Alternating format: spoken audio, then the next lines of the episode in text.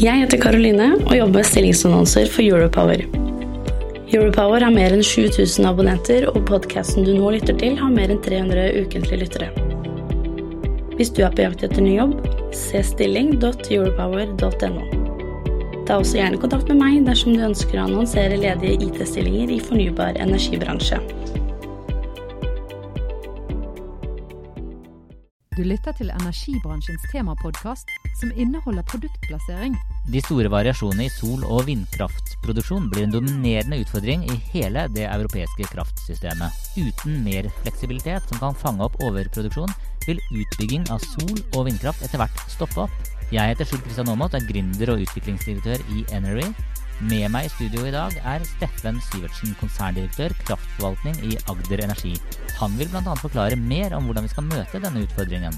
Energibransjens temapodkast presenteres av Intelios, leverandør av klimavennlige energiløsninger til bedriftsmarkedet. Strømprisene har vært over normalt høye i, i 2018. Hva skyldes det? I 2018 så har det vært ganske mange spesielle hendelser i kraftmarkedet. Det har jo vært sånn at kullprisene og gassprisene de har gått ganske kraftig opp som følge av den makroøkonomiske utviklinga. Og så har prisen på CO2 gått ganske mye opp. Og det er med på å drive de nordiske kraftprisene opp i og med at vi er kobla til det europeiske markedet. Eh, og så har det jo også vært eh, Man prater om de menneskeskapte klimaendringene som gir mer ekstremvær. Det har jo vært litt eh, unormalt vær det siste året. Hvordan påvirker det strømprisene? Ja, det påvirker strømprisene, det òg. Spesielt her i Norden og i Europa. I fjor høst hadde vi den største flommen i vår region noensinne, nesten. Det gjør jo at vi fylte opp magasinene kraftig til vannkraftproduksjonen, og da går jo prisene noe ned. Det andre det er at vi, vi hadde en veldig, veldig tørr sommer. Det førte til at kraftprisene i Norden gikk opp, for da blir det jo mindre vann i magasinene. Og så førte det òg til at kraftprisene i Europa gikk opp. Fordi bl.a. for kjøling til atomkraft så er vann veldig viktig. Og En del av de elvene rundt de, de, de tørka ut og gjorde at de måtte stenge ned noen atomkraftverk. Og Uten å gå veldig inn på det, men var, sånn i september var det, var det alle disse rare variasjonene som også gjorde at en kraftspekulant gikk litt på snørra? Det var faktisk akkurat det. Uh, og det var, det var, en samtidig hendelse hvor prisen i Tyskland gikk uh, ganske kraftig opp.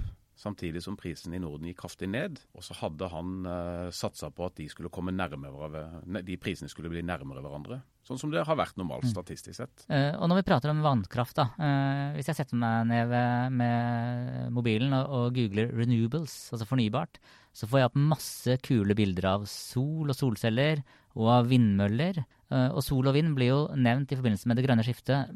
Får ingen bilder av vannkraftverk. Hvor hører vannkraft inn i det grønne skiftet? Vannkraften er faktisk den mest verdifulle fornybare ressursen som finnes. Og jeg, sett fra mitt ståsted, selvfølgelig litt inhabil. Men, Veldig inhabil. men, men vannkraften den, den, har noen egenskaper som sol og vind ikke har. Fordi sol og vind de produserer jo når det blåser eller når det er sol. Mens vannkraften den kan du lagre. Så den er en veldig veldig god kombinasjon med nettopp de andre fornybarkildene. For Så, vann, så vannkraft kan nesten sammenlignes med et batteri, da? Eller? Ja, ja, vi kaller det Europas grønne batteri. Og, og det betyr jo at når vi blir enda sterkere knytta til andre land som har mer innslag av volatil fornybar, som vind og sol, så kan vi bruke vannet vårt i stedet for at de må produsere kullkraft de timene hvor ikke det er vind eller sol. Og det syns vi er veldig, veldig bra. Da handler det bare om å få solgt den, da? Det gjør det. Ja. Og det, det, det, gjør vi, og det skal vi, det skal vi fortsette med. Og jeg tror faktisk òg det er sånn at det nordiske kraftmarkedet det blir òg mer volatilt. Ikke bare fordi at vi blir kobla til Europa som har større svingninger pga. vind og sol, men òg fordi at nå forventes det, og i den siste rapporten til NVE forventes det veldig stor vindkraftutbygging òg her i Norden. Så det kommer til å gjøre vårt marked òg mer volatilt. Ja, Så det betyr jo at når det blåser, så produseres det mye strøm. Men når det er vindstille, så trenger man andre energikilder. Helt riktig. Og da er vannkraften veldig, veldig bra. Folk flest uh, har ikke ikke noe særlig forhold til vannkraftverkene, men uh, noe man har forhold til, det er strømregninga. Vil, uh, vil strømprisene øke eller reduseres i tiden fremover? Hadde vi visst akkurat svaret på det, så, så hadde det jo vært veldig bra. Det er jo strøm, strømprisutviklingen er jo avhengig av veldig, veldig mange faktorer. Det er jo det som gjør at det er spennende å jobbe med den. Og hvis det er sånn at det blir dyrt å forurense f.eks., så vil jo prisen på å produsere annen type kraft fra kull og gass øke. Det vil kunne gjøre at prisen går opp. Hvis vi får veldig våte år i Norden, eller at prisen på fossile brensler blir veldig lav, eller at vi får veldig mye vindkraft som har en veldig lav marginalkost å produsere, så kan jo prisen bli lavere enn det vi, det vi tror. Og det, det, er derfor vi har veldig mange gode analytikere og meteorologer og modeller for å komme med vårt syn på markedet. Og det er viktig for oss. Eh, så er jeg i hvert fall som en uh, privatkunde forholder meg til strømregningen, og så ser jeg litt da et par ganger i året kanskje om, om jeg kan få billigere strøm et annet sted. Men hvordan fungerer strømkjøp i bedriftsmarkedet? Strømkjøp i bedriftsmarkedet fungerer på mange måter på, på samme måten. Altså Bedrifter kjøper strømmen sin og bruker den. Eh, det som er spesielt i bedriftsmarkedet, det er jo at mange bedrifter er veldig store forbrukere av strøm. Ja, hva slags type bedrifter er det? Det kan være alt fra Carlsberg til Ikea til DNB Eh, som òg er kunder hos oss, eh, i den nye satsingen vi nå har i bedriftsmarkedet som vi kaller for Entelios. Går de, går de da inn og forhandler pris på strømmen med dere? Det vanlige forretningsmarkedet med, med de, ikke de største kraftintensive bedriftene, så er det normalt at vi inngår en ganske vanlig strømkontrakt med dem. Men det vi ofte gjør, det er at vi òg hjelper dem med å forvalte kraften. Så vi har et markedssyn. Hvis vi f.eks. tror at prisen eh, skal opp, så kan vi hjelpe kundene våre å sikre strømprisen framover. Og det, Sånn kraftforvaltning gjør vi for veldig mange kunder i, Norden. Energibransjens temapodkast presenteres av Intelios, leverandør av klimavennlige energiløsninger til bedriftsmarkedet. Eh, så er det enkelt å, å se, se, seg i bakspeilet og se hva, hva skjedde. Men uh, hvis vi skal prøve å se litt fremover, hvilke trender ser dere innen bedriftsmarkedet i tiden som kommer? Jeg tror veldig sterkt at det er noen, uh, det er noen trender som, uh, som, kommer, selv om kanskje ikke det er så høyt på den internasjonale politiske agendaen i dag som det var for noen år siden. Men klimaendringene fører til at bedriftene vil bli mye mer opptatt av bærekraft. Uh, det fører òg til at det vil komme nye teknologiske løsninger som gjør bedriftene mer bærekraftige. Og vi, vi jobber veldig mye med dette, og dette er jo hovedbudskapet vårt i den nye lanseringen av Entelios, hvor vi jobber nå for å bli eh, bedrifter både i Norden og i Tysklands viktigste partner for å bli helt bærekraftige. Ja, for, for nå samler dere hele bedriftsmarkedet deres inn under ett merkenavn, altså Entelios. Eh, hva er dette? Det vi har gjort, er at vi har tatt uh, I Agder Energi så har vi over mange år hatt en veldig sterk posisjon i bedriftsmarkedet. Los Energy var Norges største selger i, i bedriftsmarkedet. Eh, vi har tatt det selskapet sammen med et oppkjøp vi gjorde i Sverige, eh, og tre oppkjøp i Tyskland. Og så har vi samla det under et felles brand nå, som heter Entelios. For å bli en slagkraftig aktør i dette bedriftsmarkedet. Eh, men, og det, jeg forstår jo det at et selskap fra Agder, eller fra, ja, fra Sørlandet, da, ønsker å, å legge kongeriket Norge under seg. Men men så skal dere nå ut i Eller dere er ute i Europa. I hvilken grad eh, kan dere konkurrere med andre der ute? Fra lille, lille Kristiansand? I, I Agder Energi så har vi over mange år utvikla et veldig veldig sterkt kraftforvaltningsmiljø. Og et sterkt miljø for uh, salg av strøm i både bedrifts- og privatmarkedet. Og LOS er jo merkevåren vår i privatmarkedet. Og så har vi eh, sett trender til at det nordiske kraftmarkedet blir likere det kontinentale, og kanskje spesielt det tyske. Og Tyskland er jo på mange måter eh, Europas og nesten verdens energilaboratorium ved at de har fått denne store volatiliteten og alle de utfordringene det gjør. og Derfor er det utvikla mange nye teknologiske løsninger. Så vi tror vi kan ta den nordiske kompetansen på et liberalisert og, og konkurranseutsatt marked ut. Og så kan vi ta mye av teknologien og innovasjonen som har skjedd eh, i Tyskland, den kan vi lære, og så kan vi ta den inn og bli enda bedre her i Norden. Men det er noe jeg ikke helt skjønner med Tyskland. for Tyskland går jo mye på kull. Eh, og strøm Har man en elbil i Tyskland, så er det stor sjanse for at den egentlig går på kull. Og så skal kull fases ut, og så kommer vind, bl.a. vind inn. Men eh, kan man ikke bare lagre energien på batterier? Det er et veldig godt spørsmål. For det hadde batteriprisene vært lave nok, og en kunne bygd så store batterier til en lav nok kost, så hadde jo det vært et godt alternativ. Eh, per i dag så er ikke det lønnsomt eh, å bygge så store batterier for å lagre energien fra vind. Og det fører til at en i stedet produserer kull. Og det er jo her vi har eh, løsninger hos oss som bidrar til å redusere kullforbruket. For vi hjelper de store kraftforbrukerne i Tyskland BASF, Trimet, eh, Edeka, altså noen av de aller største selskapene i det tyske markedet, til å tilby redusert forbruk. Nå må, du for, nå må, du forklare. Ja, Det her er det, er, det er nå det blir vanskelig. Det er nå det blir litt Ja. vanskelig. Og det, det er sånn at Hvis du ser for deg at du bor i en tysk by, og det står mange vindmøller der, Mm. så vil det jo når det blåser, være mer enn nok energi. Ja. Når det slutter å blåse, så vil det jo være sånn at en må fyre med noe annet for å få strøm. Mm. Det er jo et alternativ. Det andre alternativet det er jo å redusere forbruket i stedet.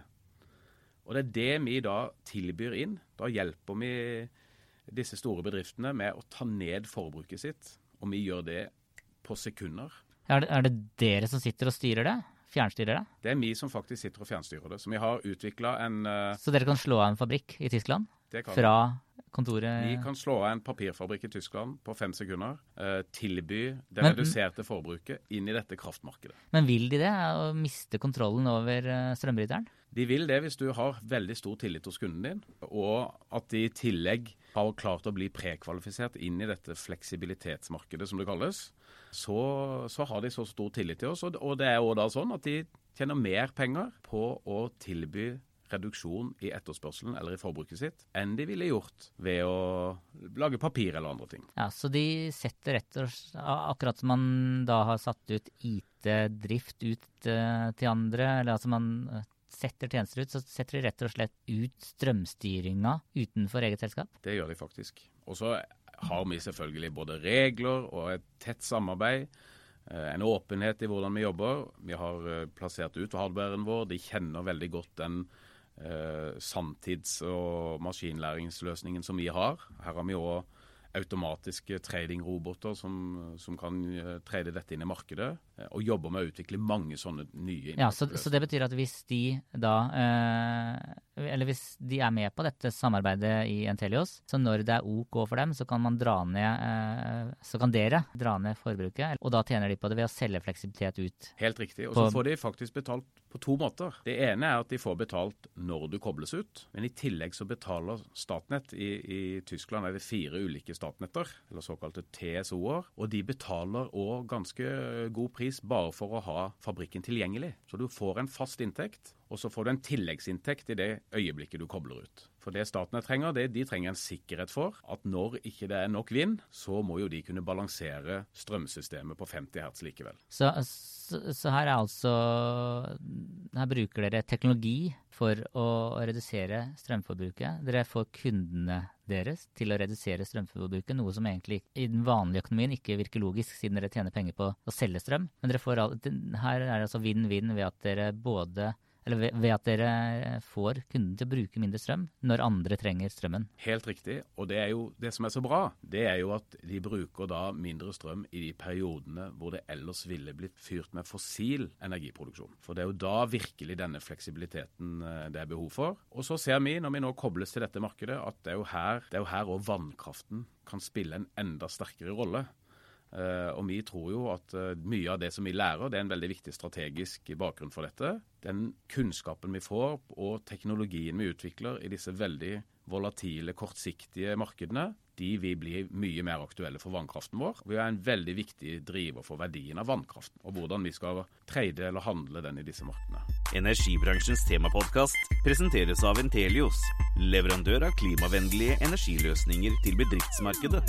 Norge har jo tjent eh, mye penger på eksport eh, inn i, i oljeservice, altså oljeindustrien. Og nå begynner vi da å eksportere teknologi, fornybar teknologi, ut i verden.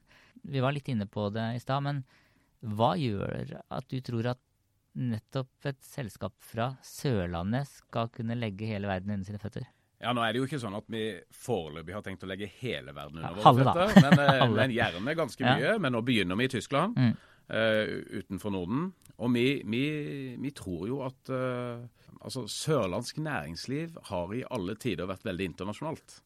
Både for eh, 100 år siden, da shipping og, og den type industri var stor. De siste 20 åra så har jo oljeservice vært veldig stor.